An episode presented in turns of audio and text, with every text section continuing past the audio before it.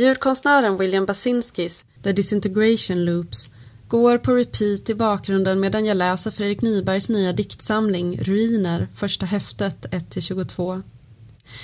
Vad skulle kunna vara ett mer passande soundtrack till en dikt om sönderfall?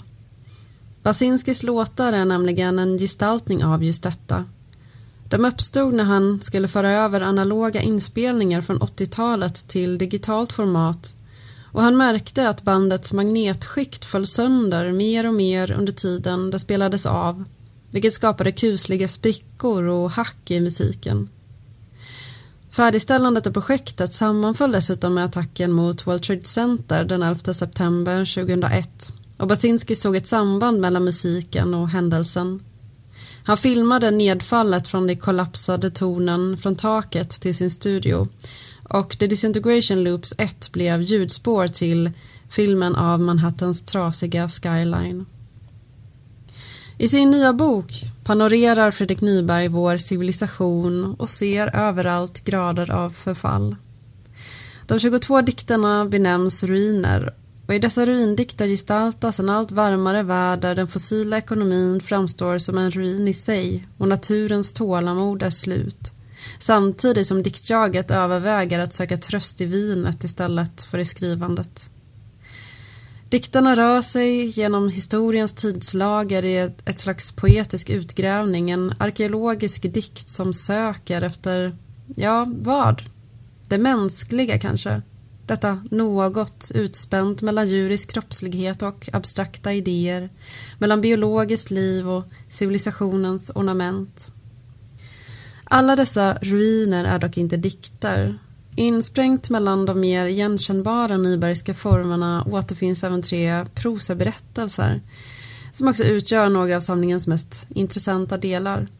För hur mycket jag än uppskattar Fredrik Nybergs språknådande poesi med sina lekar med egennamn och undersökningar av ordens förbindelse med varandra såväl som med världen så hade ytterligare en bok i samma stil som hans senaste produktion kanske fått mig att tänka jaha, jag säger kanske, för Nybergs poetiska arbetsmetod där disparata texter återbrukas och förvanskas skapar en rik text som gräver ner genom lager av mer än mänsklig historia, en metod som lämpar sig väl för ämnet som han här utforskar.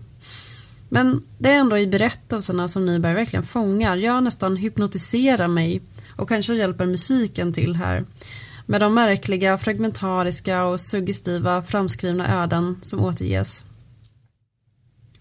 Den centrala av dessa berättelser har tre tidsskikt och två olika scener. Den utspelar sig dels i Carl von Linnés, eller kort och gott Carl von som han kallar sig dikten, eh, gård Hammarby utanför Uppsala under 1760 och 1860-talen och dels i Mellanöstern där en av Linnés lärjungar, eller proteser som dikten kallar dem, befinner sig på forskningsresa. Intresset för Linné går långt tillbaka i Nybergs författarskap. Diktsamlingen Blomsterur från eh, 2000 bygger sitt poetiska system med inspiration från naturalistens blomsterur. En samling växter som ska indikera dygnets timmar genom att de öppnar och sluter sig på olika tider. Nybergs fascination för Linnés stränga ordnande har en parallell i hans eget intresse för poetiska system. Men som han själv uttryckte så växer hans system fram i praktiken snarare än tvärtom. Att han återkommer till Linné nu är kanske inte så konstigt. Förändring och förfall är processer som utmanar systematiken. Citat. Hur ska också förskjutningarna och förvandlingarna få plats i taxonomin, i stenhuset och i skåpen? Slutcitat. Är frågor som ställs i texten. Det finns en spänning här som Nyberg fångar in vars ringar når djupt in i samtidsmänniskans upplevelse av att befinna sig i en värld som förändras alldeles för fort så att begreppen och systemen inte hänger med, vare sig det är klimatförändringar, flyktingströmmar eller normkritik som bekymrar en. I berättelsen möter vi en åldrande Carl von som bekymrar sig över pengar och kvarlåtenskap, som jagas av rädsla över att förlora allt han samlat. Kanske håller han själv på att bli någon annan. Samtidigt befinner sig en av hans främsta lärjungar på sin sista resa i Mellanöstern där han kommer att dö i malaria innan han hinner skicka hem särskilt mycket material. Och hundra år senare går några personer runt i Hammarbys ruiner och studerar det som ett naturligt arkiv. Hur mycket man än arbetar med sitt monument kommer man att dö och i bästa fall lämna efter sig en ruin. Detta prosastycke föregås av en kortare berättelse om en familj på en gård i en glänta i en tid som jag bara kan beskriva som mytologisk. Och det är också vad som karaktäriserar denna berättelse. Den visar på hur klimatförändringarna kanske bäst beskrivs genom myter och sagor. För det är svårt att inte läsa berättelsen som en allegori, om än en komplex sådan, över klimatförändringarna och artutdöendet. Familjen tampas med besökarna, som likt väsen ur någon folksaga stjäl saker från gården. Alla möjliga användbara saker tar de så fort gården står obevakad och de blir allt mer påflugna. Till slut gör besökarna sina räder mitt framför familjens ögon och de beskrivs då som en svärm. Citat. Besökarna saknade i stort individuella drag och var svåra att skilja sinsemellan. Det var också nästan omöjligt att räkna deras virvlande antal. Och det kom aldrig en och en, aldrig ensamma. Slutcitat. Beskrivningen för även tankarna till det ekokritiska begreppet hyperobjekt som också dyker upp i ett par av dikterna. I den sextonde ruinen upprepas frågan citat, Går hyperobjekten alls att fatta? Slutcitat. Timothy Morton myntade begreppet som ett sätt att tala om de entiteter, ofta skapade av människan, som påverkar oss men övergår vår fattningsförmåga eftersom de existerar på en annan skala i tid såväl som i rum. Kärnavfall och klimatförändringar är två tydliga exempel. I min läsning blir den femte ruinen alltså en slags mytisk berättelse eh, om den pågående krisen som ju präglas av att saker försvinner och svämmar över, vilket också händer i narrativet. Jag kommer att tänka på Johannes Heldéns astroekologi som gestaltar hur omgivningen genomgår en obegriplig förändring. Men medan Heldén konsekvent använder sig av science fiction-genren så vänder sig Nyberg här snarare bakåt mot folksagan. Men båda exemplen pekar mot något som jag tror är en viktig men kanske underskattad aspekt av den av förklarliga skäl allt större genren klimatlitteratur, nämligen betydelsen av den mytologiska dimensionen Kanske är det bara genom myten och det fantastiska som dessa obegripliga, ogripbara, svärmande hyperobjekt kan gestaltas på ett meningsfullt sätt. Precis som att Twin Peaks säsong 3 är den bästa skildringen av atomåldern, av betydelsen av människans uppfinnande av kärnvapnen.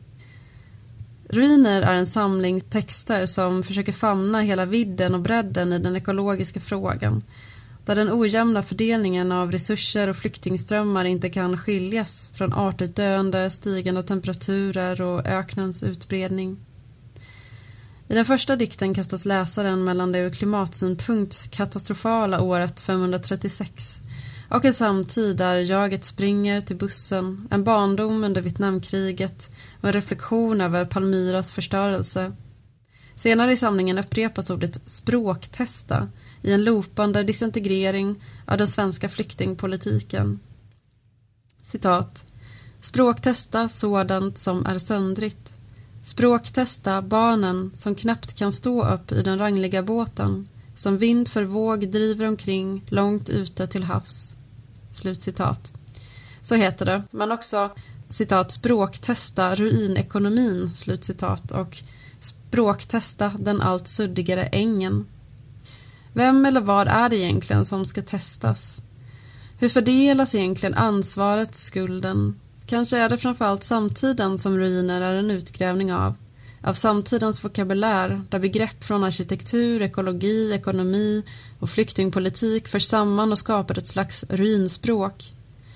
Det är en dikt med en skarp uppmärksamhet på ordens förbindelser med varandra såväl som de trådar som löper mellan orden och världen de refererar till även om denna relation mellan språk och värld alltid präglas av hack och sprickor. En av de förbindelser som Nyberg utforskar genom dikterna är den mellan nyckelstenen, den mittersta stenen i en valvbåge, och nyckelarten. Citat. Slutstenen är en nyckelsten. Förs nyckelarterna ut ur systemen är systemen hotade. De flesta trösklar har redan baserats. När kommer vi som plundrat boet själva plundras? Slutcitat. Här för Nyberg samman byggnad och ekosystem och pekar mot de analoga processerna mellan civilisationens och den biologiska världens förfall. Systemen håller på att braka samman, sammankopplade som de är med varandra. Det finns här, som alltid hos Nyberg, även en metalitterär gest. Framsidan av ruiner är en återanvändning av omslaget till Gunnar Ekelöfs Vägvisare till underjorden, en bok som Ekelöf själv kallade för Mittvalvet i sin divantrilogi. Omslaget blir då ett exempel på en spolia, ett begrepp som återkommer genom dikterna. Den betecknar återbruket av äldre byggstenar i nya rekonstruktioner. Även mellan pärmarna är ruiner full av sådan spolia. Man ser till exempel hur Nyberg hela tiden återanvänder nyckelord från klimatdiskursen och genom sin omlokalisering till poesin blir metaforerna återigen opaka. Det möjliggör för oss att tänka klimatförändringarna och miljöförstöringen spatialt. Vi släpar oss över tröskel efter tröskel. När ska vi snubbla och falla? När ska någon våga sig över trösklarna till våra ruiner och plundra vår västliga civilisation på allt den stulit från naturen såväl som från andra kulturer? Jag tror vi är allt fler som har en känsla av att det kanske inte är så långt kvar nu, att vi redan befinner oss i civilisationens eftersvall. Efter stormningen av Kapitolium såg jag ett meme där någon googlat ungefär hur länge varar vanligtvis en civilisation och fått upp svaret att ett imperium i genomsnitt varar i 250 år. I nästa bildruta står 250 år bredvid USAs flagga. Nu går det i och för sig att argumentera för att USA inte varit ett imperium lika länge som det varit en stat och därmed inte har förbrukat sin livstid än. Men mimet pekar mot en känsla i samtiden av att de strukturer vi tagit för givna är på väg att braka ihop. Ruiner utforskar olika sätt att förhålla sig till förfallets närvaro. Det som gör Nybergs dikt så genial är att han återbrukar samhällets språk. Det är en dikt som liksom vänder på samtidens mylla och låter någonting nytt gro ur den. Någonting igenkännbart men också annorlunda.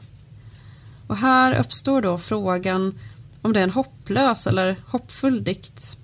Ja, den är i varje fall inte apokalyptisk.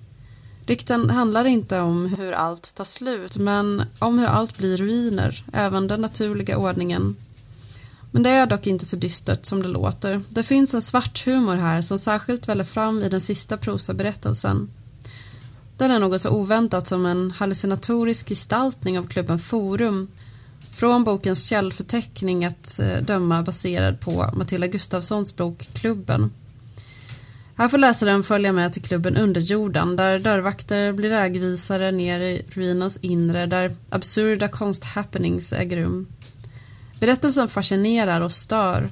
Den understryker på något vis att vi, vi poesiläsare som kanske eller kanske inte satt våra fötter på forum lever i ruiner av en borgerlig kultur. För historiens ängel framträder det förflutna som en ständig katastrof som hopar ruiner på ruiner, menar Walter Benjamin. Hacken i skivan blir allt fler, limmet på bandets magnetskikt lossnar. Vet vi fortfarande vad orden refererar till när världen genomgår så hastiga förändringar? Ruiner är en oumbärlig reflektion över frågor som alla borde ställa sig idag. Vad är det egentligen för civilisation vi har och varför? Är det den civilisation vi vill ha? Och framförallt, vilka är vi när våra murar rämnar, när de strukturer vi tar för givet inte längre finns? Ruiner avslutas med raderna citat Tomma bussar går mot Delphi.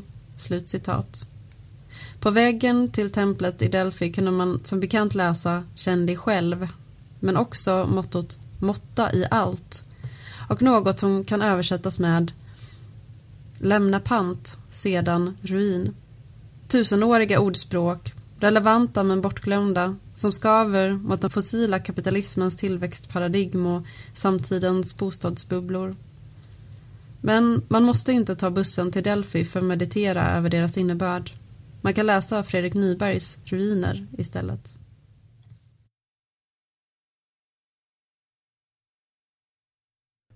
Den här recensionen är originalpublicerad på www.ornenochkrakan.se under ansvarigt utgivarskap.